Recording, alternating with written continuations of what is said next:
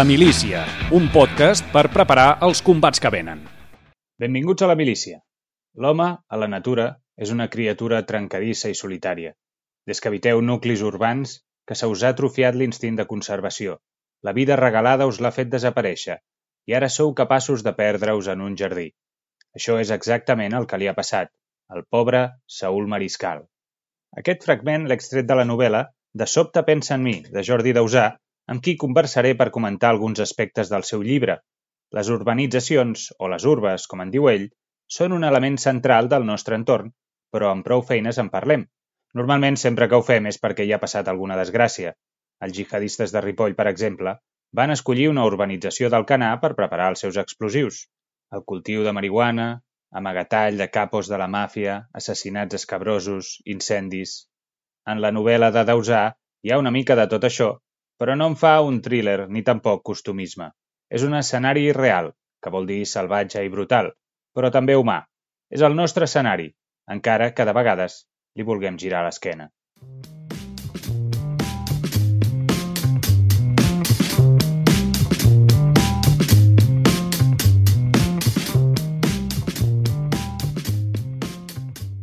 Jordi, benvingut a la milícia i gràcies per atendre la meva trucada.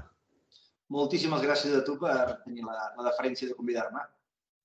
Les urbanitzacions eh, són un indret que més o menys tothom coneix o, o hi viu, a mitges entre la ciutat, el poble, el camp, on hi passen moltes coses, però eh, no em sona que hi hagi gaires ni pel·lícules, ni sèries, ni novel·les catalanes que, que se centrin o que parlin una mica eh, de les urbanitzacions. I en canvi, a De sobte pensa en mi, la teva última novel·la, publicada a Llibres del Delicte l'any 2021, Sant Renard, que és la urbanització, diria, un, un dels protagonistes principals de, de la novel·la, està perfectament descrita. És un lloc que gairebé podries fer un mapa sobre tots els seus racons. Així que el que m'interessa és fer servir la teva novel·la per parlar de les urbanitzacions, que són un territori molt desconegut, com deia, a nivell narratiu, però molt present a la nostra realitat. Hi ha molta gent que hi viu i, i, i que les coneix i, i tot plegat. I també, doncs, a l'hora fer servir les urbanitzacions per parlar de la teva novel·la.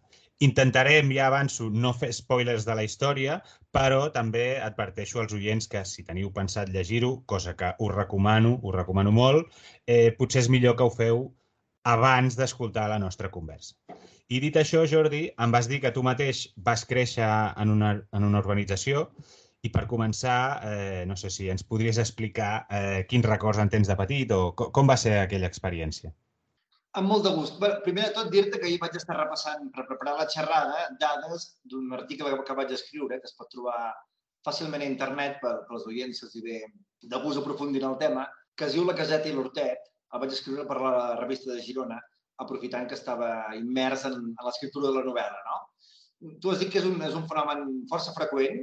Imagina't que a Catalunya, en el moment que vaig escriure l'article, que es fa uns 4 anys, més o menys, o 3 anys, hi havia comptabilitzades unes 2.300 urbanitzacions a Catalunya.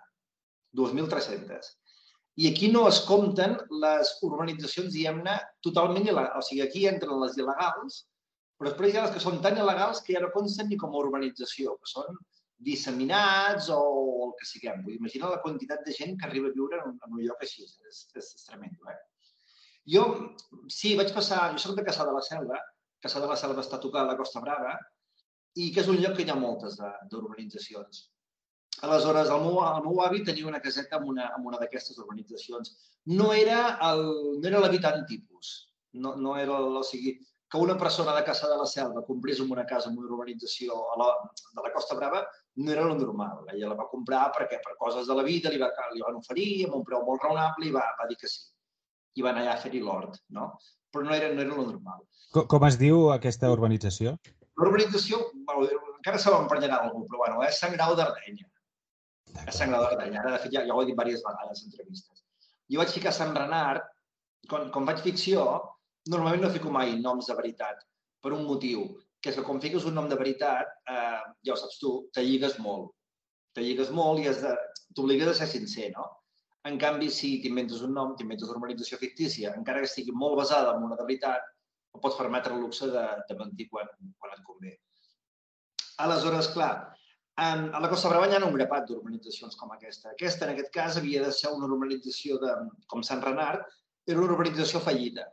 La van construir al voltant d'un hotel de cinc estrelles, que real, tot el que surt a la novel·la, pràcticament tot és, és força real. Passat pel sedàs de la ficció, evidentment, eh? però vull dir, té una base. Era una de les moltes urbanitzacions fallides que van venir a la Costa Brava. Havia de ser una urbanització de luxe, els hi he plantejat. Realment l'entorn és, és acollonant, és superxulo, però bueno, va fer fallida perquè l'hotel va fer fallida, a la novel·la ho explico això, i es va ensorrar tot. Clar, encerrar-se el nucli, es va ensorrar tot, tot al voltant, però encara ara es veuen els carrers, es veu tot, i hi ha unes quantes cases. Però no és l'urbanització que havia de ser, que havia de tenir serveis, havia de tenir de tot, i no en té, que és un dels problemes que tenen les, les urbanitzacions, no? que no tenen cap mena de, cap mena de servei i vius allà isolat i a mercè de, del que et pugui passar. No? què et volia dir? La Costa Brava, per què n'hi ha tantes? Això vaig, vaig estar-ho mirant. La part de Catalunya que n'hi ha més, de llarg, és la Costa Brava. Vaig estar mirant per què. Perquè hi ha moltes més de, a la Costa Brava que a la Costa Daurada, per exemple, que també n'hi ha. Per la proximitat amb França. Es veu que quan es van fer aquestes urbanitzacions, molts terrenys es van comprar francesos de, de, del sud, sobretot, no? que tampoc és que sigui la part més, més rica de França. I tota aquesta gent va comprar urbanitzacions, els interessava com més a la vora de França millor, i van comprar terrenys. I encara ara queden força, força terrenys i força xalets que són de, de ciutadans francesos. No? I clar, la Costa Brava era ideal, molt a la vora de França i, i costa. Aleshores, clar, van comprar parcel·les per preus irrisoris, per preus absolutament irrisoris, que ara ens ficaríem les mans al cap, i, bueno, després alguns van ser estafats, d'altres no, aquí és un, aquí és un tema, però és que no, no vull, perquè em poder tocar massa, massa coses. Però, però, vols que no, no, no, ja em sembla bé. Jo, jo volia, això, et preguntava, era um, l'experiència que tu tens de petit, entenc que pel que dius no és que hi visquessis allà, però que en tenies una, la, la, la, del teu avi i passaves estius, no? M'imagino allò...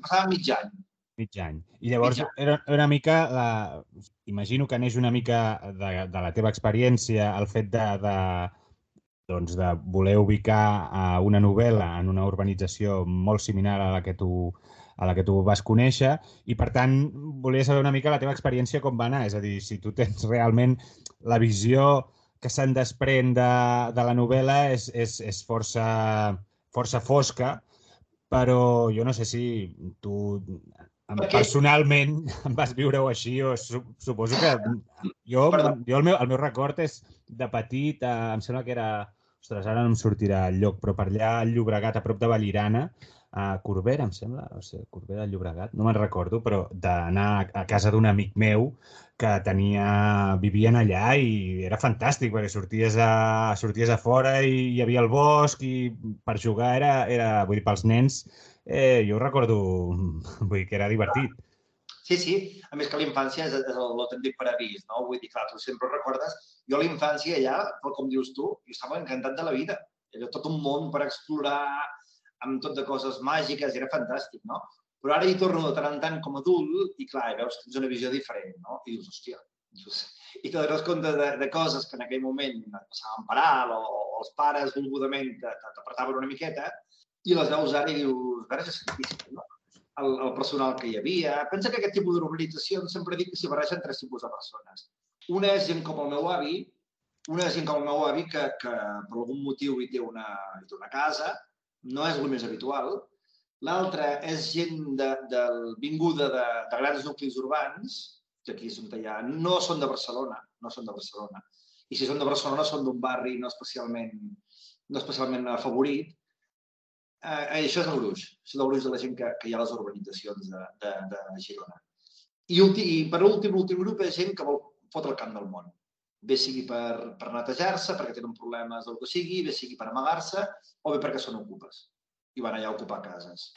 És un perfil d'ocupa molt diferent del que trobaríem a Gràcia, eh? però, per exemple, no són ocupes d'aquests que fan tallers de malabars i festa pro xiapes. És un tipus d'ocupes més, més desesperat, eh, aquest ja. I també, eh, ja, si de cas, mm, quan anem avançant la conversa ja, ja parlarem una mica d'aquesta tipologia, però ara que dius això, eh, sí que m'agradaria avançar. Eh, hi ha un moment que parles d'utopia rural, que també s'ha parlat sí. molt de vegades de la gent que... I justament aquest ocupa que dius tu, que no és el que s'assembla al del barri de Gràcia, no és el perfil de, no. del que busca l'utopia rural a les urbanitzacions, no? No, no, no. Eh, és és, és, un, és un perfil molt diferent el que, si n'hi ha algun que ha intentat buscar l'utopia rural amb una, amb una urbanització d'aquestes, mm, segurament ha fracassat, la majoria d'ells, perquè no és un entorn que puguis, que puguis fer això. És un tipus de gent que van a parar allà perquè no tenen on caure morts. Bàsicament és això. I el que hi ha molt és molt de narcoocupa, que d'això també ja en podem, en podem parlar en tot cas si vols. Els narcoocupa són aquests que ocupen per plantar, per fer plantacions d'herba, de, de Maria, i en tot cas alguns, els que menys, sintetitzen drogues o, la, o les adulteren. No? D'això n'hi ha molts i hi ha força incendis i força, i força problemes per culpa d'això. De, de les... Pensa que les urbanitzacions aquestes, la majoria, eh, la llum se la generen ells, amb, amb generadors, amb benzina, amb coses d'aquestes. I les que no tenen una xarxa elèctrica molt i molt i molt precària, dels anys 70 o bestieses d'aquestes. Aleshores, clar, eh, què passa? Què passa? Que planten, planten herba, necessiten una potència de grups electrògens tremendes i, clar, i els incendis estan a l'ordre del dia. Um, de tant en tant llegeixo els diaris, jo, la meva, se'm va cap allà de seguida la vista, em sembla que era Sant Hilari de Sacal, no, Massanet de Cabrenys. Van haver de tallar la llum d'una urbanització de la quantitat de cases que hi havia connectades a la xarxa, robant electricitat, i que, clar, que, que hi havia un risc d'incendi tremendo. Val, doncs uh, per, per després, si de cas, anem, anem parlant d'aquesta, de, la fa, de la fauna i la flora de, de les urbanitzacions, que també que n'hi ha de, de tot tipus, però m'agradaria al principi parlar una mica d'això, del procés creatiu de, de la novel·la. Eh, entenc que, diguéssim, tu tens aquest record eh, més o menys feliç que després es va transformant a mesura que, bueno, que et vas fent gran i que la, la tornes a visitar i, i vas veient exactament quin, el pa que s'hi dona.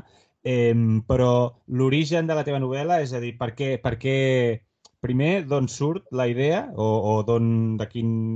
No sé si és que primer tenies clara la història, primer tenies clar... No, no sé com funciona en el teu cas. Hi ha, hi ha gent que de vegades té molt clar mm, un personatge o té molt clar... No sé si en el teu cas és, és la urbanització el primer que tens clar o no. Jo vaig robar una, una idea de l'Stephen King que diu que ell escriu sobre les seves pors perquè no arribin a passar mai. No?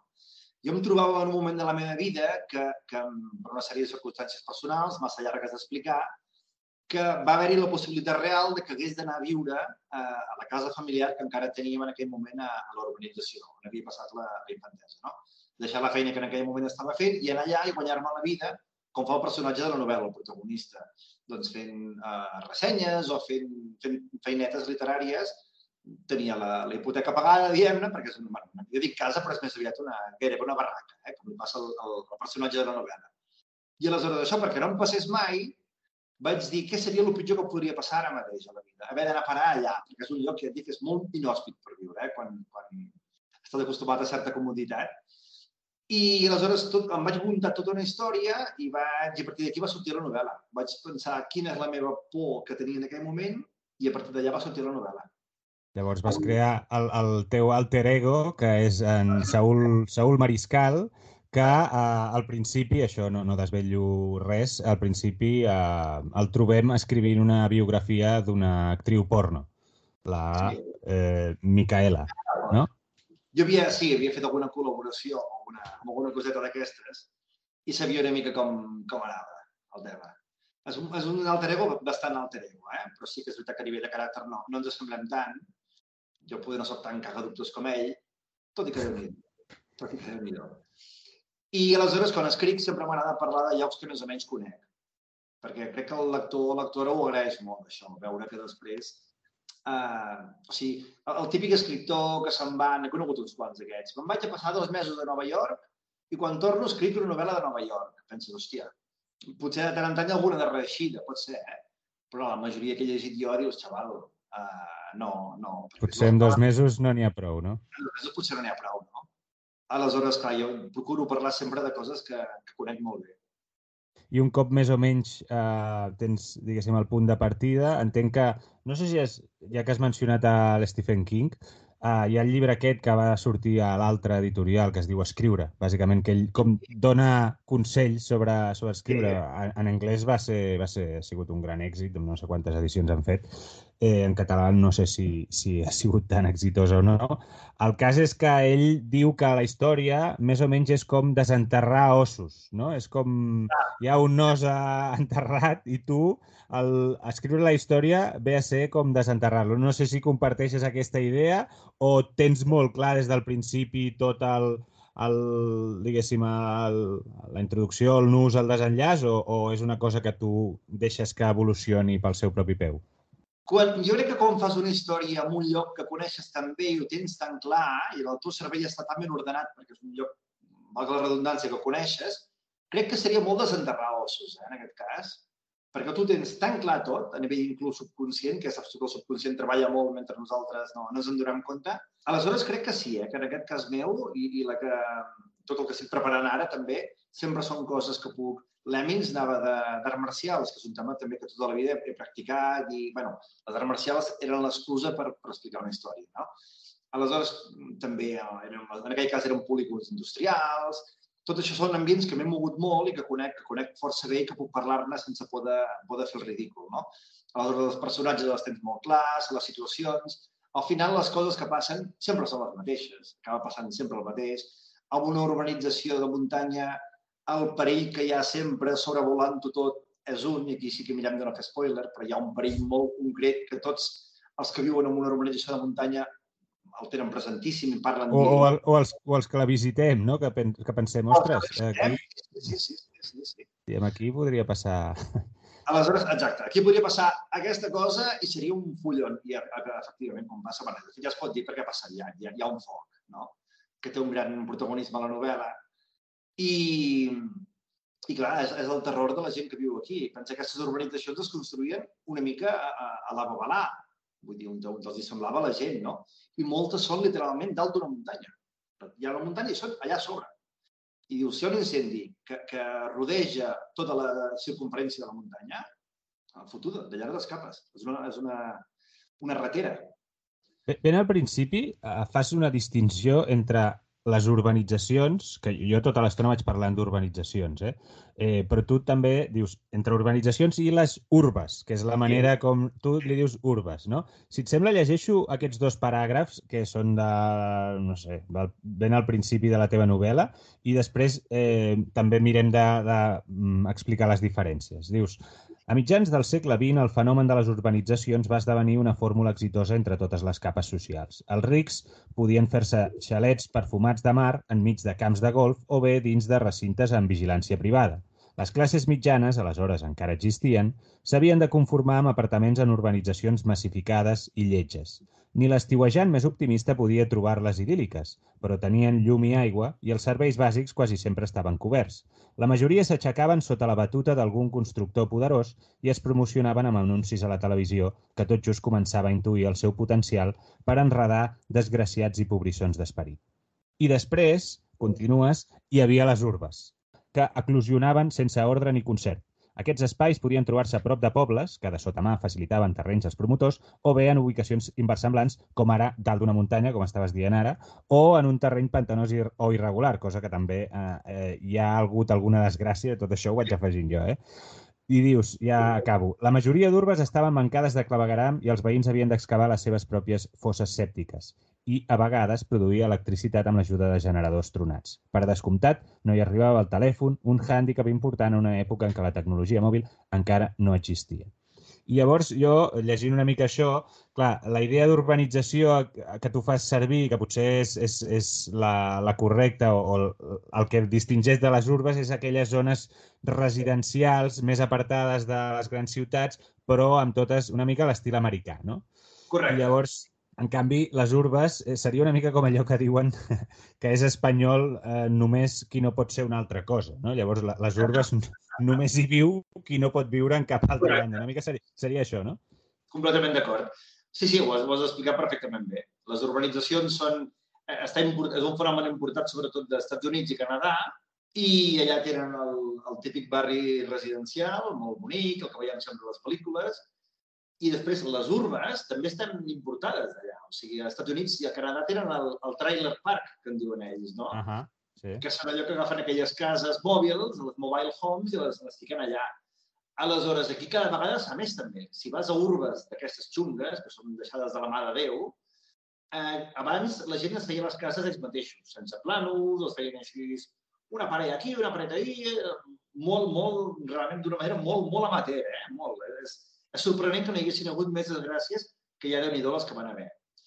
Eh, ara la gent, com que potser no és tan espavilada com els seus eh, ancestres, eh, porten això. Han importat el model aquest del trailer park i és molt freqüent per aquí a la zona de Girona veure botigues, botigues grans centres, que venen aquests trailer parks, no? I els fiquen, compren un solar, que fiquen el remolc allà mig i, i viuen allà. I viuen allà perquè no tenen on més viure.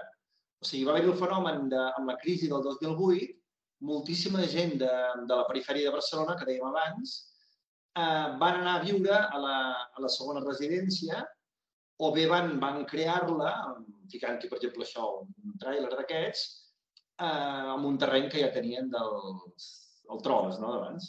I es van omplir, es van omplir molt a gràcia d'això, gràcies a aquesta crisi del, del, del 2008 o sigui, van viure un fenomen d'eclusió, de, les, les urbes. Les urbanitzacions sempre han sigut estables. Sempre han sigut estables. Per exemple, a Tossa de Mar hi ha una urbanització de luxe. A Caldes de Malavella hi ha la més luxosa, de, em sembla que és d'Espanya, que és el PSA Golf, que és una cosa tremenda. Tot això són urbanitzacions. També. Ja, són aquestes que per accedir-hi, per exemple, has de passar una caseta de seguretat, és a dir, que està totalment protegit, vull dir que no, no hi ha accés de... de... és una cosa, una cosa tremenda. I les urbes no. Les urbes són, són fetes de la de Déu, sense permisos, no tenen serveis bàsics. Eh? És, una cosa, és una cosa que fa... Quan en veus algunes, ho explica rient perquè has de riure, no? Però fa... cau l'ànima als peus, realment. Eh? I jo, quan presentava la novel·la, sempre deia que, que, clar, que és un tipus de pobresa rural que els mitjans mai l'han fet gaire cas. O sigui, quan TV3, per dir una televisió així molt, molt centralista, vol fer un reportatge sobre la pobresa, què fa? Pues se'n va al Raval, típic, no? Van al Raval, que és mm. que per exemple s'acaba allà, o potser sí, aniran... O a Nou Barris. O a Mina, i poder arribar a algunes zones de Nou Barris, però ells no, no veuen que hi ha 2.300 urbanitzacions i que d'aquestes 2.300 potser n'hi ha 1.000 que la gent viu al llind, no poc, bueno, no passen gana, però al llindar de la pobresa sí que viuen. Però aquests estan totalment a, a ignorats pels, per, mitjans, bueno, per què no, per què no són a Barcelona? És el de sempre. Va, parlem de, de Sant Renard, eh, aquesta urba on passa tota, tota l'acció, eh, ja deia abans, és, és, això és un gran tòpic, eh, també això de dir, és un dels personatges ja. de la novel·la. Però sí, és veritat, en aquest cas, vull dir, jo, eh, clar, abans de, abans de saber el que m'has explicat, que estava basada en una urbanització, fins i tot l'origen aquest, l'origen de l'hotel, que té una imatge de decadència, eh, perquè no? hi ha un moment que dius, escrius, eh, parles de l'hotel, que al principi doncs, era un hotel de luxe, i, i llavors després el, el personatge que en dius el xèrif o l'alcalde oficiós de Sant Renard, en Gabriel, el que fa és allotjar turistes mig perduts alemanys i turistes... I llavors escrius, semblaven criatures mitològiques passejant amb xancletes, bevent cervesa i jugant en aquelles sales nobles i cobertes de fusta que un dia aixoplugaven la flor innata de la burgesia catalana. I aquesta imatge de decadència que m'ha fet pensar en la decadència de la pròpia burgesia catalana, eh, com a origen de Sant Renard, doncs, mm, jo pensava que és, és, és un element que el distingeix una mica com a urba, no? Perquè no, no és el típic... Vull dir, no, no sé si és una cosa molt freqüent no, no, o no, però, però trobo que en el seu origen hi ha una visió molt ambiciosa, no? Que a la majoria d'altres urbes és més eh, una cosa més sí.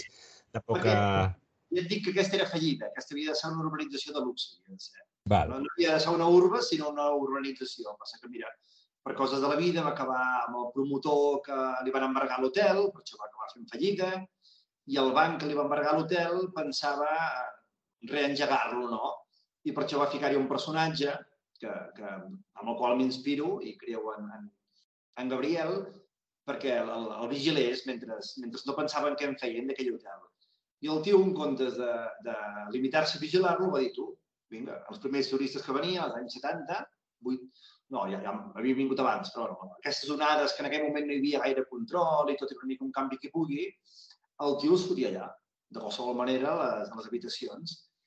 I una de les coses que ho veig ara en perspectiva, nosaltres érem petits i veiem, clar, veiem uns senyors alemanys grossos, eh, que, que passejaven per allà amb xancletes en un lloc que encara té, tu entres a aquell hotel i te'n dones compte. Eh? Vull dir, el, el senyor que va fer-ho s'hi va gastar diners. Un hotel que, per entendre'ns, era un hotel que volia que fos una mica rotllo l'escopeta nacional d'anar a fer caceres, mm -hmm.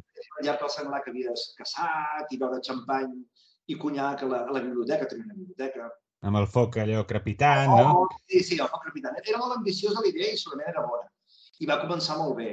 Però no, aquest senyor no, no va saber gestionar, va tenir mala sort, una barreja de coses, però l'hotel encara té una planta noble molt important. Eh? I els turistes que venien, que venien a parar aquí, en aquest hotel, clar, no tenien la noblesa que, que, que havien tingut els, els burgesos catalans d'aleshores. I clar, era una imatge, era una imatge xocant. I, I ara, vista en perspectiva, m'hagués agradat molt poder veure ara en ulls d'adult perquè segur que havia rigut molt. Tatuatges d'aquests que feien en aquella època mal fets, eh, xancletes, homes immensos, gegantins, que bevien cervesa però per matar-se bevent, saps? N'hi havia molts que eren, curiosament, n'hi havia molts que eren uh, veterans de la Segona Guerra Mundial. Hòstia. Alemanys, veterans de la Segona Guerra Mundial. I jo això en aquella època no ho veia, perquè era, era petit i evidentment no, era molt petit. Però ho vaig saber més tard. Veterans que venien aquí absolutament alcoholitzats, perquè evidentment, per, per tot el que havien viscut, i venien pràcticament a matar-se bevent. Venien aquí dues setmanes o tres i pràcticament es mataven bevent. Això ho vaig saber no fa gaire. Si no, ho hagués trobat la manera de ficar-ho al, al llibre. Bé, tu, eh, quan em parlaves dels tres tipus de persones que hi ha eh, en una urba d'aquestes, doncs hi ha el tercer, no?, que és que vol fotre el camp del món, que sí. també me'n recordo que no fa massa a Castelldefels, tot i que allò, bueno, no sé si era una urba o era una urbanització, no sé quin, quin tipus de, de...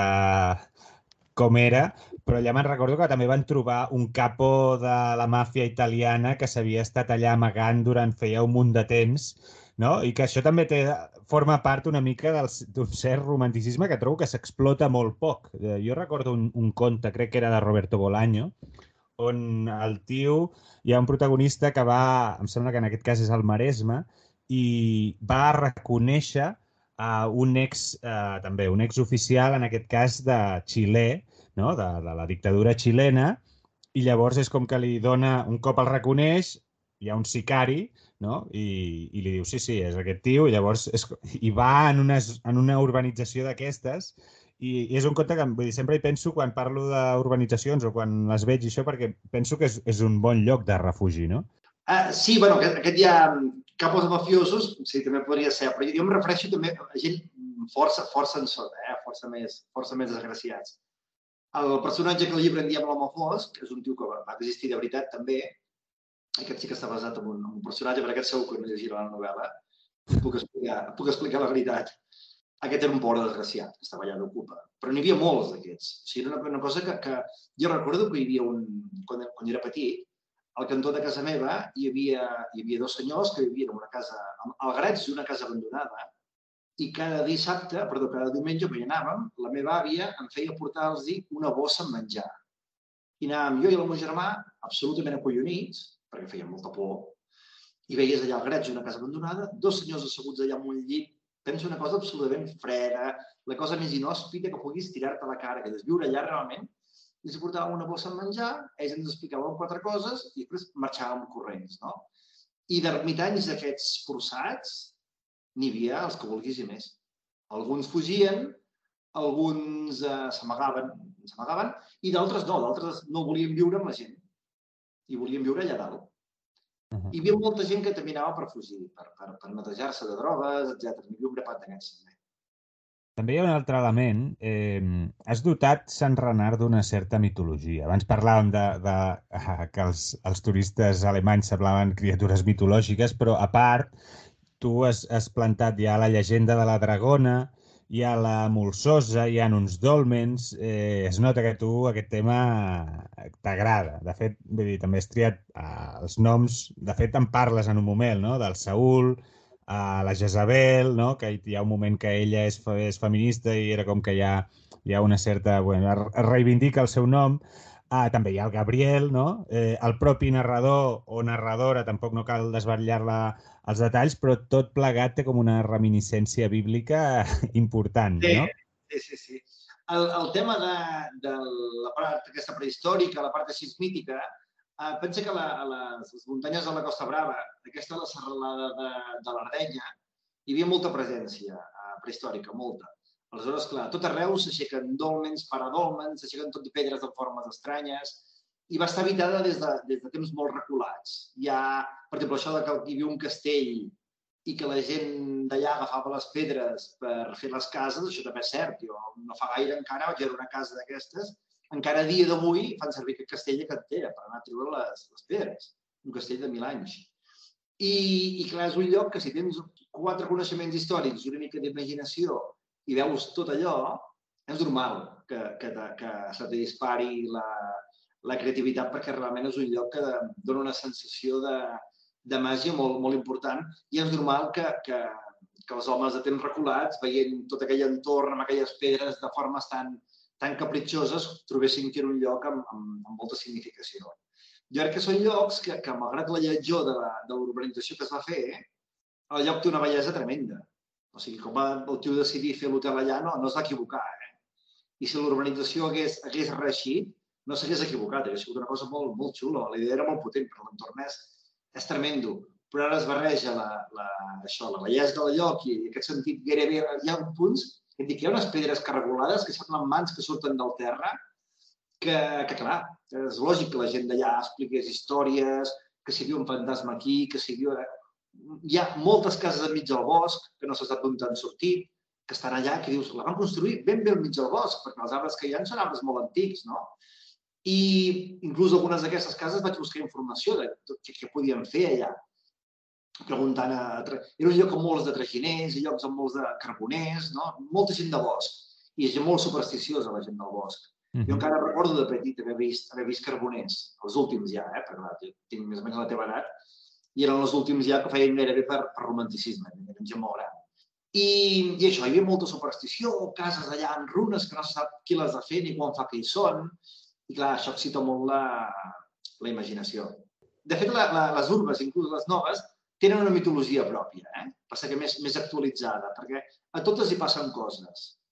Passa que no és una mitologia potser tan, tan metafísica, però totes tenen una, una mitologia, o sigui, eh, allà hi viu aquest que m'ha fet tal cosa. Ja, els personatges. Bueno, tu, tu eh, també ja menciones el Cabrero, eh, després també, bueno, a part de l'Areu Rivera, que és el que té el, la desgràcia, bueno, el, el, el, que, el que acaba sent, diguéssim, el, el propietari de l'hotel, però que té una fi bastant galdosa també, hi ha l'home fos, no? Hi hi ha personatges que, que, que bueno, ells, l'home fosc en si, eh, per molt que, diguéssim, tu expliques la seva història, però podria, d'aquí 40 o 50 anys, podria, podria ser un personatge que els que hi visquin diguen aquí vivia l'home fos, no? Vull dir, és una mica aquest, aquesta cosa més mundana, però que, que bueno, suposo que, que es troba molt, també, no? Com dius?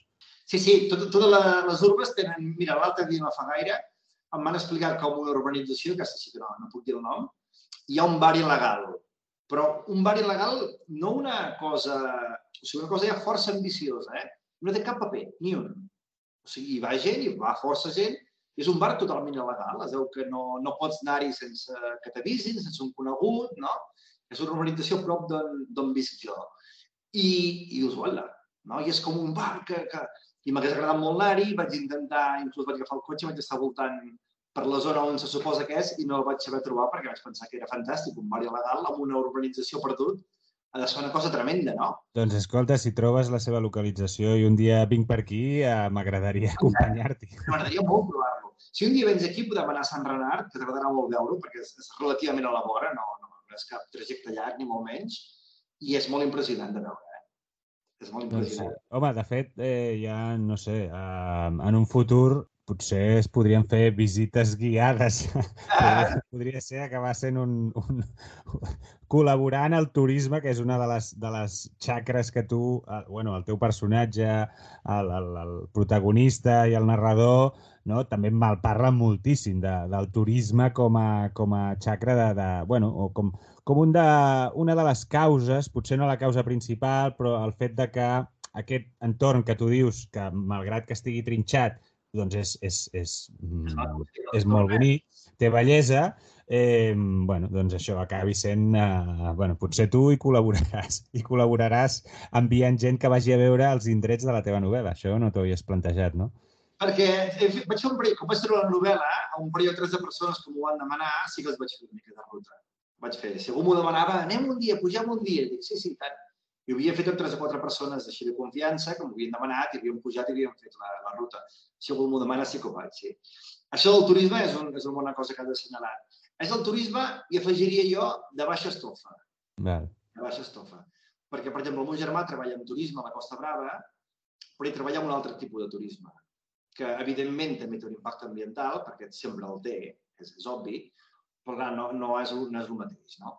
Aleshores, el turisme de baixa estofa, per més que mitifiquem els països del nord, eh, les disbarats que poden arribar a fer són, són, són tremendos. Jo, hi ha un moment que el personatge diu havia vist un cotxe d'uns guiris que havia parat amb un mural de la carretera, havien ficat un matalàs i follaven allà, a ple dia, a, a la carretera, al cantó de la carretera. I això ho havia vist jo.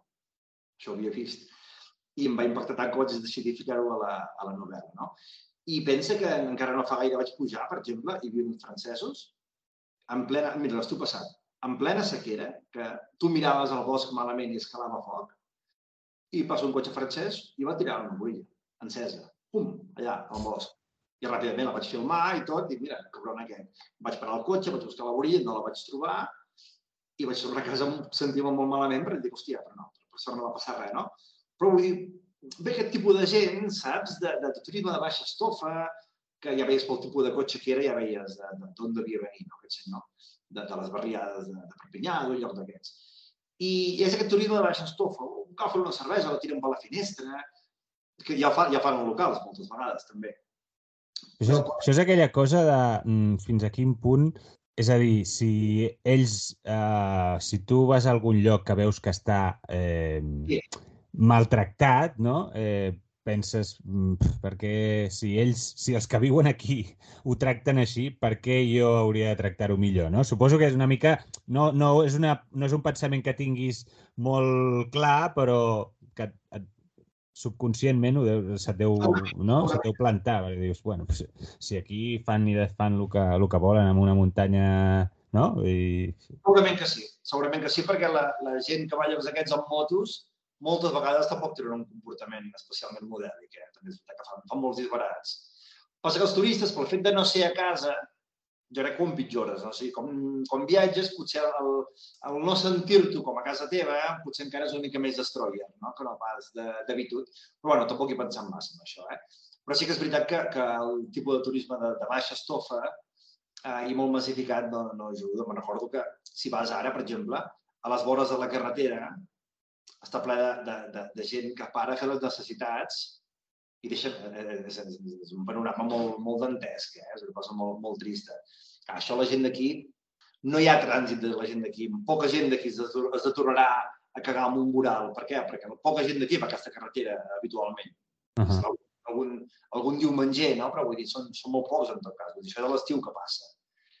I, bueno, és això, és aquest perfil de turisme de, de baixa estofa que, que tot ho trenca. Sí, ara que parles de, dels diumengers, eh, també està, està bé aquest, aquest matís que fas, que dius, eh, hi ha un moment que dius, durant els 90 els estrangers desorientats van ser substituïts per diumengers ingenus i delerosos de creure en l'utopia rural. I, I altres personatges, no? parlant de la fauna, altres personatges també són els, els boletaires, no? els boletaires, els diumengers, eh, els turistes, són aquests, eh, diguéssim, secundaris, gent que passa per allà, sense que allò l'importi, aquell terreny l'importi el més mínim, o, o com, a, com a depredadors, no? Van allà per, per obtenir alguna cosa concreta i marxar i, i, i ja està. No, no, no hi aporten res, digués, diguéssim.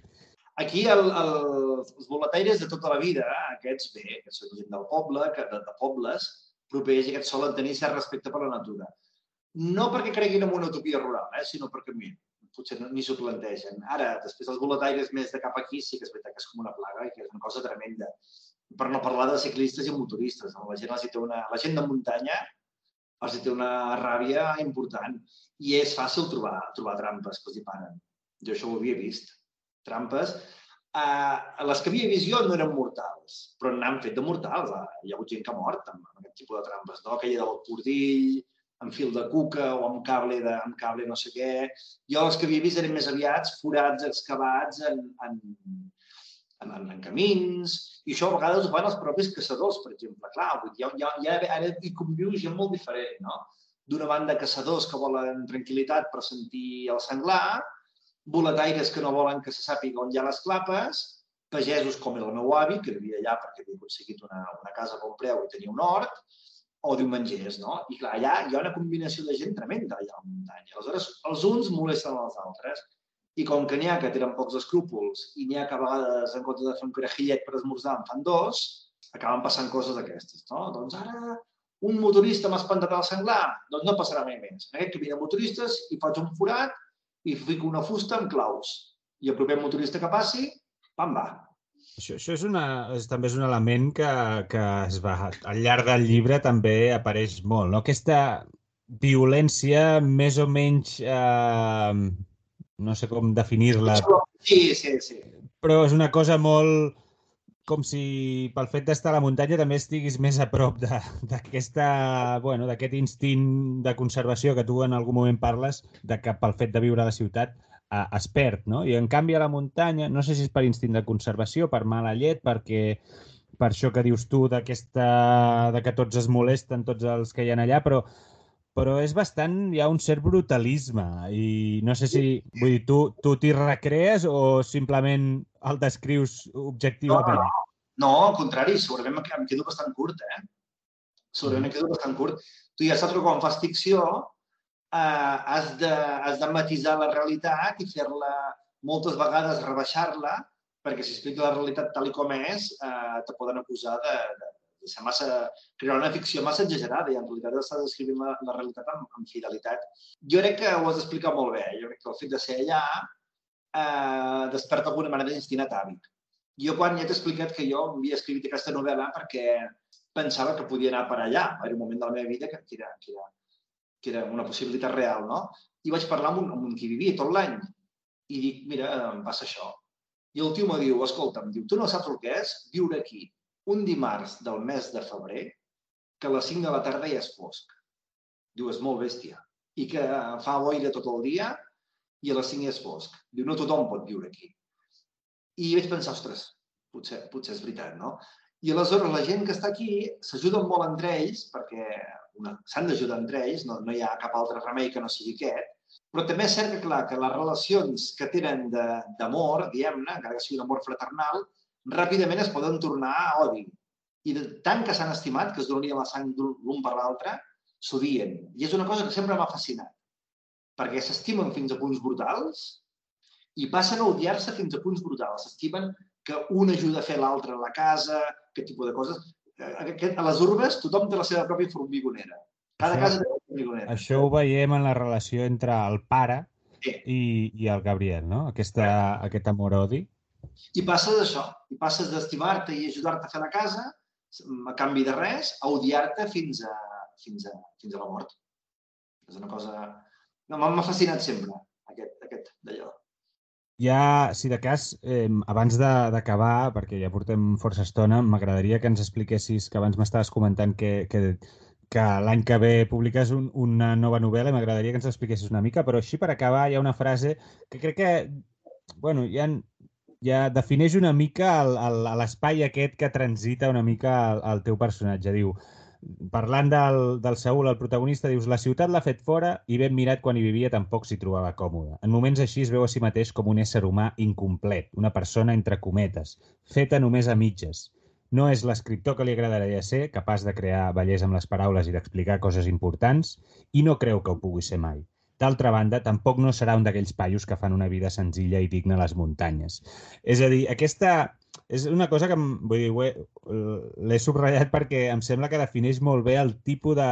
És a dir, allà a les urbes, eh, ara parlàvem de la brutalitat, o t'hi adaptes o, o vull dir, és, si no, et quedes així en terra de ningú, no? I és, és una mica el, el que defineix pròpiament les urbes, que són un, un espai en què no, ni tens ben bé els serveis de la ciutat, ni estàs ben bé, eh, diguéssim, perdut al bosc, perquè al final no deixes de, diguéssim, de viure en una comunitat, eh, en una petita civilització, però és, és una cosa molt, molt entre mitges, no?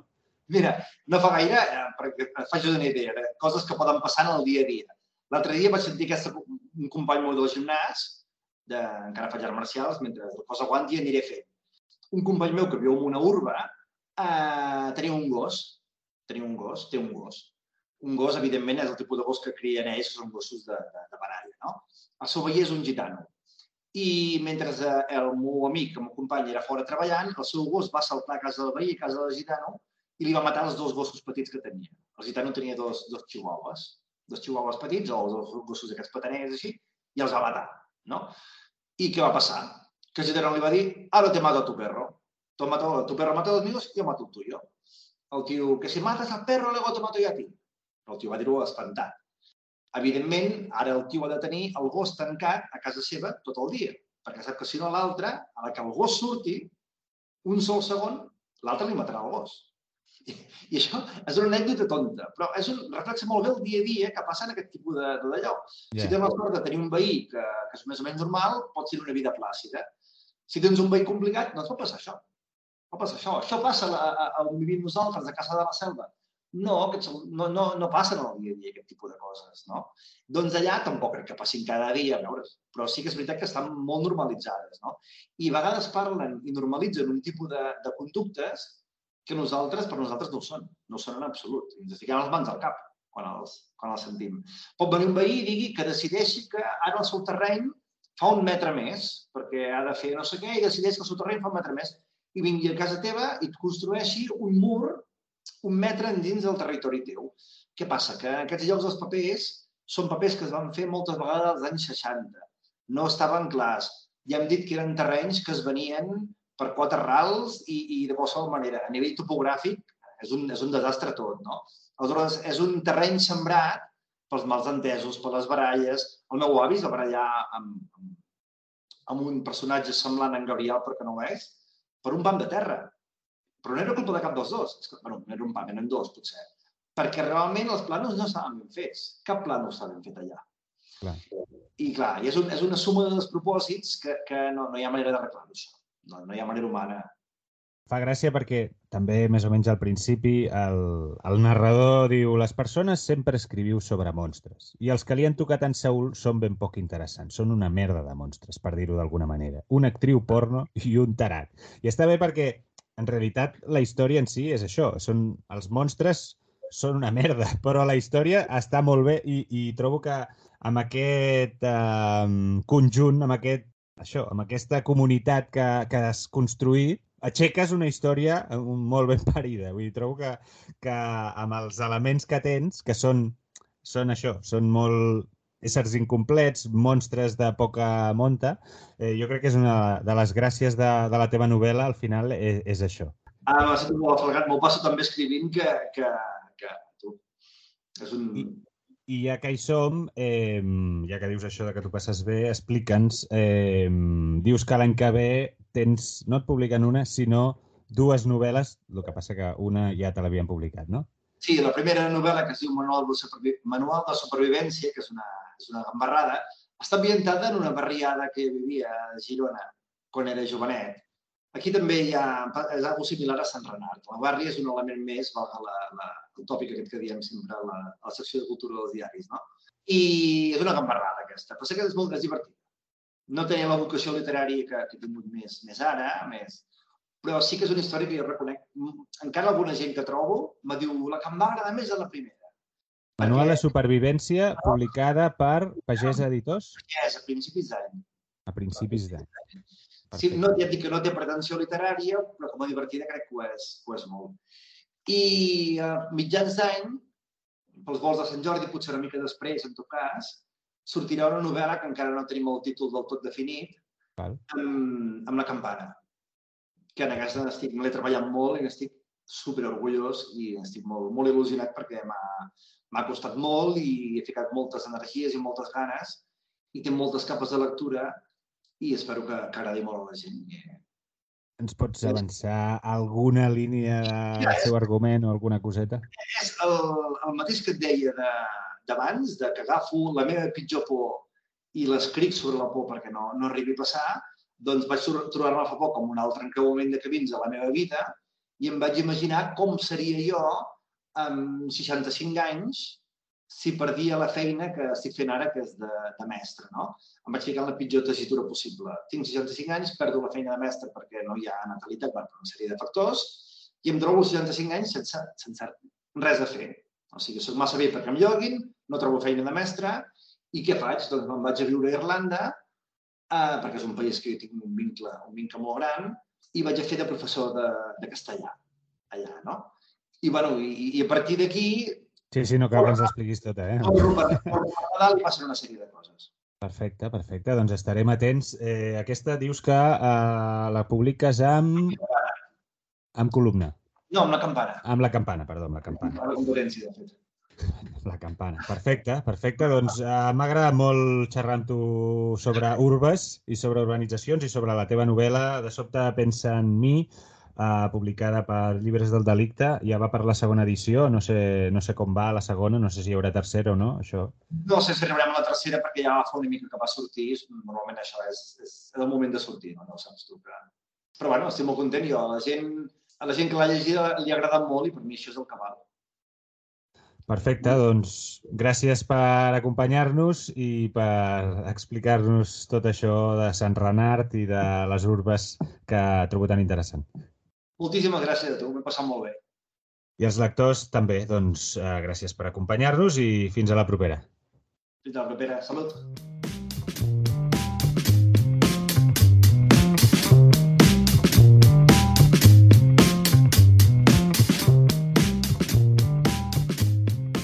La milícia, amb Josep Asensio.